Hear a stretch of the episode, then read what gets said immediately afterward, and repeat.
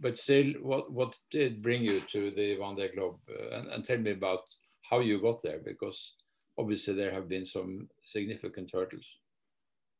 Yeah, it's a it's a long story, of course, but uh, I I first time visited Sables d'Olonne on '96 when I was looking mini boat for my mini tra transat project, which I finally was doing on '99. But yeah, on that time I thought that those guys uh, uh, they are not human. They have, they are some kind of robots or something, like the skippers of Vendée Globe because it it felt so unbelievable, unbelievable thing to do to sail around the world nonstop with those 60 feet monster machines. But mm.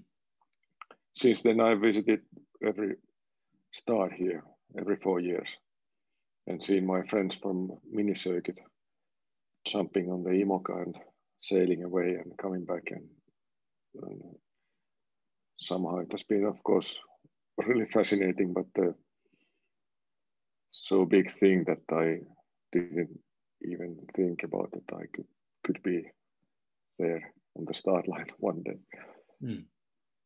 But uh, after many years, like uh, now it's 24 years since I was here first time, and uh, lots of sailing and uh, and four or, or three Atlantic crossings alone in the race, two with a mini and one with a Pogo 40 Route du Rhum.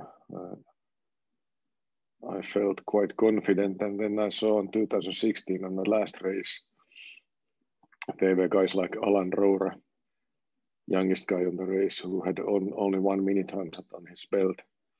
Mm. And there were, were old, older guys like gentlemen from USA, Rich Wilson, who was on, on that time 66 years, and he finished nicely. and then guys like Seb Destremau, Sebastian Destremau, who had really old boat and a really small budget. Mm. And he, he could also finish the race. So I thought that uh, if those guys can do it, why why couldn't I do it? Mm. And then we started the project in 2017 by buying a boat. Tell me about Before that, Alex. Tell me about your Sorry. boat. Tell me a little about your boat. Uh, I found it. I, heard a lot of good of that boat already because I was sailing during that summer 2017 with Alex Thomson team with his Hugo Boss and I, we were talking about we were talking about a lot of my project and my goals and what boats there are on markets and uh, what would be a good boat for me.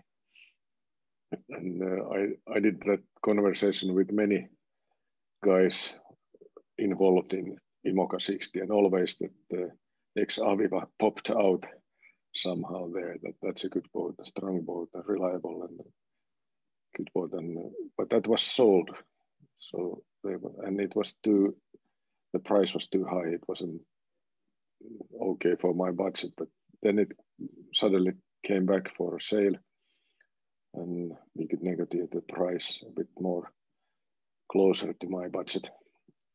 And then I, I found that, and it's a it's a good boat. It's from 2007, made in New Zealand, and uh, Dee have has done two round the world races 2008 Vendée Globe and 2010 Barcelona World Race with that boat. Uh, finished successfully. And uh, yeah, you can see every place in the boat that it's uh, well built and, and a good boat, a strong boat. How much did you have to pay for uh, Sorry? How much did you have to pay for the boat?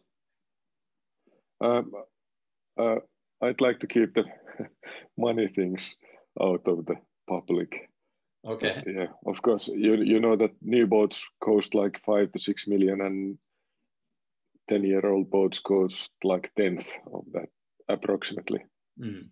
So, but that was of course only the boat because afterwards, when you when I got the boat, that boat hasn't been sailed in six years, so it was it had, had been kept outside without proper care six years. So it was in a terrible condition when I first saw it here in Sables-d'Olonne.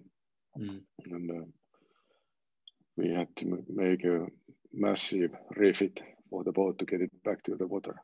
And that was done due to 2017 18 winter. And uh, 2018 at uh, April, we were ready to launch and uh, started to sailing the boat. But did yeah. you have a sponsor at that time, or did you have to spend your own money to start the project? Uh, uh, we've been spending own money all the time with the project, uh, so we haven't had like a sponsor who which covers the costs for the whole project at all. So we we've been the biggest sponsors of the project mm. still, and the boat is boat is funded by by me or my me and my wife, and uh, that's uh, our own or our our company boat. We of course we made a company to run this kind of project, but the boat is funded by by ourselves. So it's been a full-time project. You are an airline pilot, and uh, have you yeah. retired from flying, or do you just have a break? No, no. Uh, this COVID made a natural break of, of my flying, but since this COVID started on the April it started to affect our flights. Since uh, un until that, I made a full list and uh, did my full full time flying job. When did you start with this boat? When did you buy it? 2017, uh, July. and when did and you go on your it. first? Sorry, when did you go on your first sail? it was after this massive refit, which was made in UK during the winter. So we were ready to sail in April 2018. Okay, so then you have had uh, plenty of time to get to know the boat and to practice. Yes, I've been doing like 20, more than 20,000 miles with the boat. Mm. I've done two two races across Atlantic with this boat and then one big long race on Northern Atlantic with the boat. Mm. There's a big difference the, between the IMOCA and the Class 40, of course. It's a huge difference. It's a, it's a so big step. So it is it is totally totally different. Those boats are so technical, technically demanding boats, and of course they are demanding as a sailing wise. And you find that physically you're okay. You can uh, deal with all the uh, uh, grinding and um, carrying of sails and everything? Yeah, of course you have to use proper techniques for that. If you have a sail which which dry weight is 70 or even 80 kilos, and uh, you have it in a place which is not like a ergonomically good place to work on. So you have to use techniques to get the boat, get the sail up, and mm-hmm. also to get the sail down. It's it's hard, of course, but it can it can be done. Mm-hmm. Well, realistically, you you don't have a big chance of winning this race, but uh, what is it for you? Is it just to uh, fulfill a dream to have done the race? Uh, uh is it important for you to high, be as high up as possible on the list, or, what is your achievement? Yeah. One, one thing for still for the previous question is that the that until year 2000, for example, uh, Ellen MacArthur, who was on that time 24 years, and she she's like a tiny girl, 150 centimeters maybe, weights less than 50 kilos, and she finished second on Vendée Globe in 2000. So that tells that it's not the physical race; it's a more mental, much more mental race to do. So if a small girl can sail with IMOCA and finish second on the race, so it's it's not so much about the, how much how big muscles you have. It's uh, about how how well you can use all your skills. but yeah, for about the the goals and winning, it's a huge win to be able to to start in ever in in any of IMOCA Globe Series race. That means that you have been really successful on your project and you have won many, many, many things and objects on the way to the to the start line. So if you can ever start even one IMOCA Globe Series race, you are, you are a big winner. And if you speak about the Vendée Globe, if you end up to the start line of the Vendée Globe, that's uh, that's like an Olympic medal, gold medal to be there on the start line already. Mm, mm. And if after all you are able to finish the race, because the statistics are quite unpleasant thing to read. Yes. Only 52% of boats has finished the race. Mm. So there has been 160 starting boats and 80, some 82 or something who has been able to finish. So it's most probably that uh, half of the fleet can't finish the race. So the, the getting getting to the start line is a is a huge huge win, and if you can then sail to the finish line, then then you you are a big big big winner. So that's that's my idea. That's my mindset for the Vendée Globe. Mm. That's my my goal is to try to eliminate all the risks before the start, then sail without taking risks, keeping big marginals, and uh, to make all what I can to be able to finish the race. And of course, I have a lot more on this game because the boat is my own. I have to be careful and try to get the boat back safely to be able to sell it, to be able to pay the loans which I've been taking for the boat. So I have a, I think I have a quite a lot more pressure than the big team skippers because they don't have to care about the boat and about the money.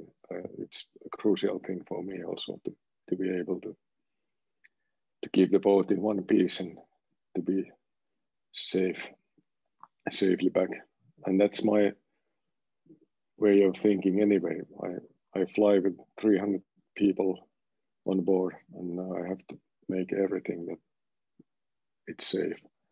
And I'm, I've been thinking on the same way every when I'm every every time when I go sailing that uh, it's my responsibility to be safe and do all things safely and uh, avoid risks and make make things so that uh, my nearest and my sponsors can rely that I don't do any stupid things and I, I'll be safely back. Some sometimes, of course, there happens things like on the last race, 2016, which was quite sad. Five boats had to abandon the race because they hit something, floating object, whales, something, something on the water, and that that's something you cannot do anything. You cannot prepare for you, even how well you eliminate all the risks here before the start, even how well you sail. There can be a sleeping whale just under the waterline on your way.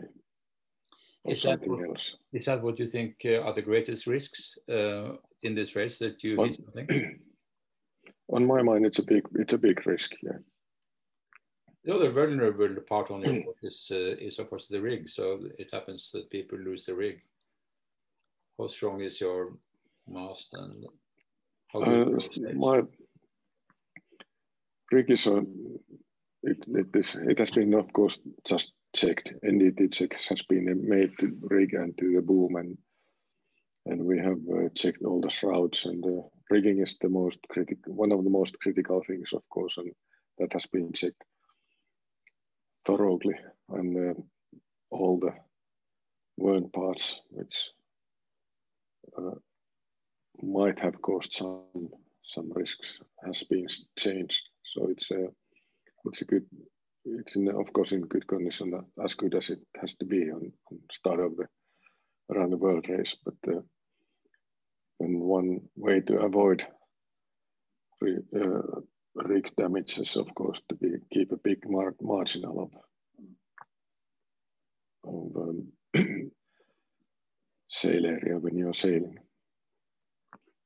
One of the compatible uh, compatible skills uh, between sailing and uh, flying is, of course, your um, your meteorological skills. You have to be um, pretty good at monitoring the weather when you fly, and uh, and that will also help you in the Vendée Globe, I suppose. Yeah, that's that's true, but the, of course those professional guys on the big teams they they are well trained. They have a world class uh, weather routers training them. So I'm missing that kind of training. They they have a like more targeted training for what we are doing. Hmm. What what is going to be the most dangerous parts of the race? Is it uh, just after the start with so many boats and along the Biscay or Portuguese uh, coast with many fishing boats, or is it going to be in the Southern Ocean? You think? Uh, there are many many dangerous places, and yeah, I think after the start, you're right. It's going to be we have to be very careful after the start, during the start, and at the Biscay, Bay of Biscay, and of course, yeah, on the way down down to the Atlantic, then there's going to be lots of lots of fishing boats, and uh, there has happened some some collisions during the first days or first weeks of the start. And then, of course, the Southern Ocean it's going to be hard with the heavy weather. Luckily, we have uh, quite fast boats, and like we saw last time, 2016, Jean-Pierre Dick and uh, some other guy, they they diverted 1,000 miles to north. They went between Tasmania and uh, Australia to avoid the big low pressure which was going under them. So with these boats, we get the good, good uh, weather forecasts, and when these boats are fast, we can run run away on the worst places. Mm-hmm. Maybe you uh, gave me the answer already by saying that just to be on the starting line is a major achievement, but uh, um, but it's not only to be on the starting uh, line, but also to finish, which would be even even greater. Um, yeah assuming that uh, by finishing you will be, you know, among the uh, fifty percent uh, best yeah. in, in the race. Um, do you have any target about that? would you like to be the best non-foiling boat, or have you some thoughts about that? Uh, I haven't even thought about that. My first target is, of course, to finish, and then uh, if I can make it about 100 days, I'm really happy. I'm, I'm I know that that means hard sailing and also work to, to be able to finish it in about 100 days. But if it takes 120 days, then I'm I'm happy also if I can finish the race. So I don't take a big stress about that thing. I just uh, how how much attention has your project raised in Finland?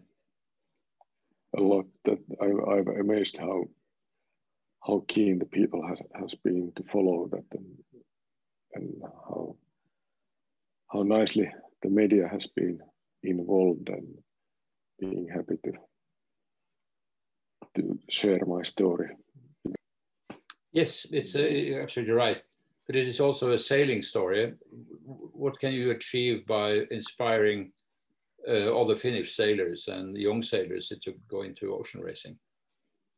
Yeah, I, I hope that that I can inspire them, of course, and I hope that uh, somebody will follow follow me. It has been quite a, a bit odd that uh, I, when I started in '99, did my first mini transat, and since then I've tried to help and tell loads of uh, these things to the other other sailors and guys, and still there hasn't been anyone else, for example, racing in the minis from Finland. So it, somehow it tells how hard it is to get to the start line, to get a project running to, to get a boat and to prepare that and to be able to go to France and to start on that race. So that's uh, uh, okay. Um, let me um, wish you um, congratulations uh, for your achievement so far on behalf of our readers.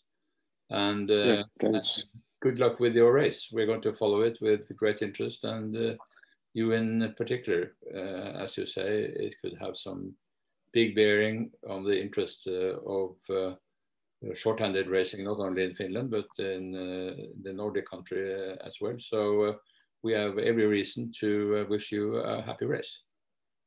Yeah, thanks. And as as we have now had a pleasure to have Mikael Ryking, the Swedish single-handed sailor, who has been racing in class 40s. He's been helping us and uh, doing a lot with me to get my boat on the starting line. He's been here with me since like two weeks and he's going to be here with me until the start line. And after this race, my dream is to go to to northern part of North, Norway to see the most beautiful places on my mind in the world to, to be skiing there.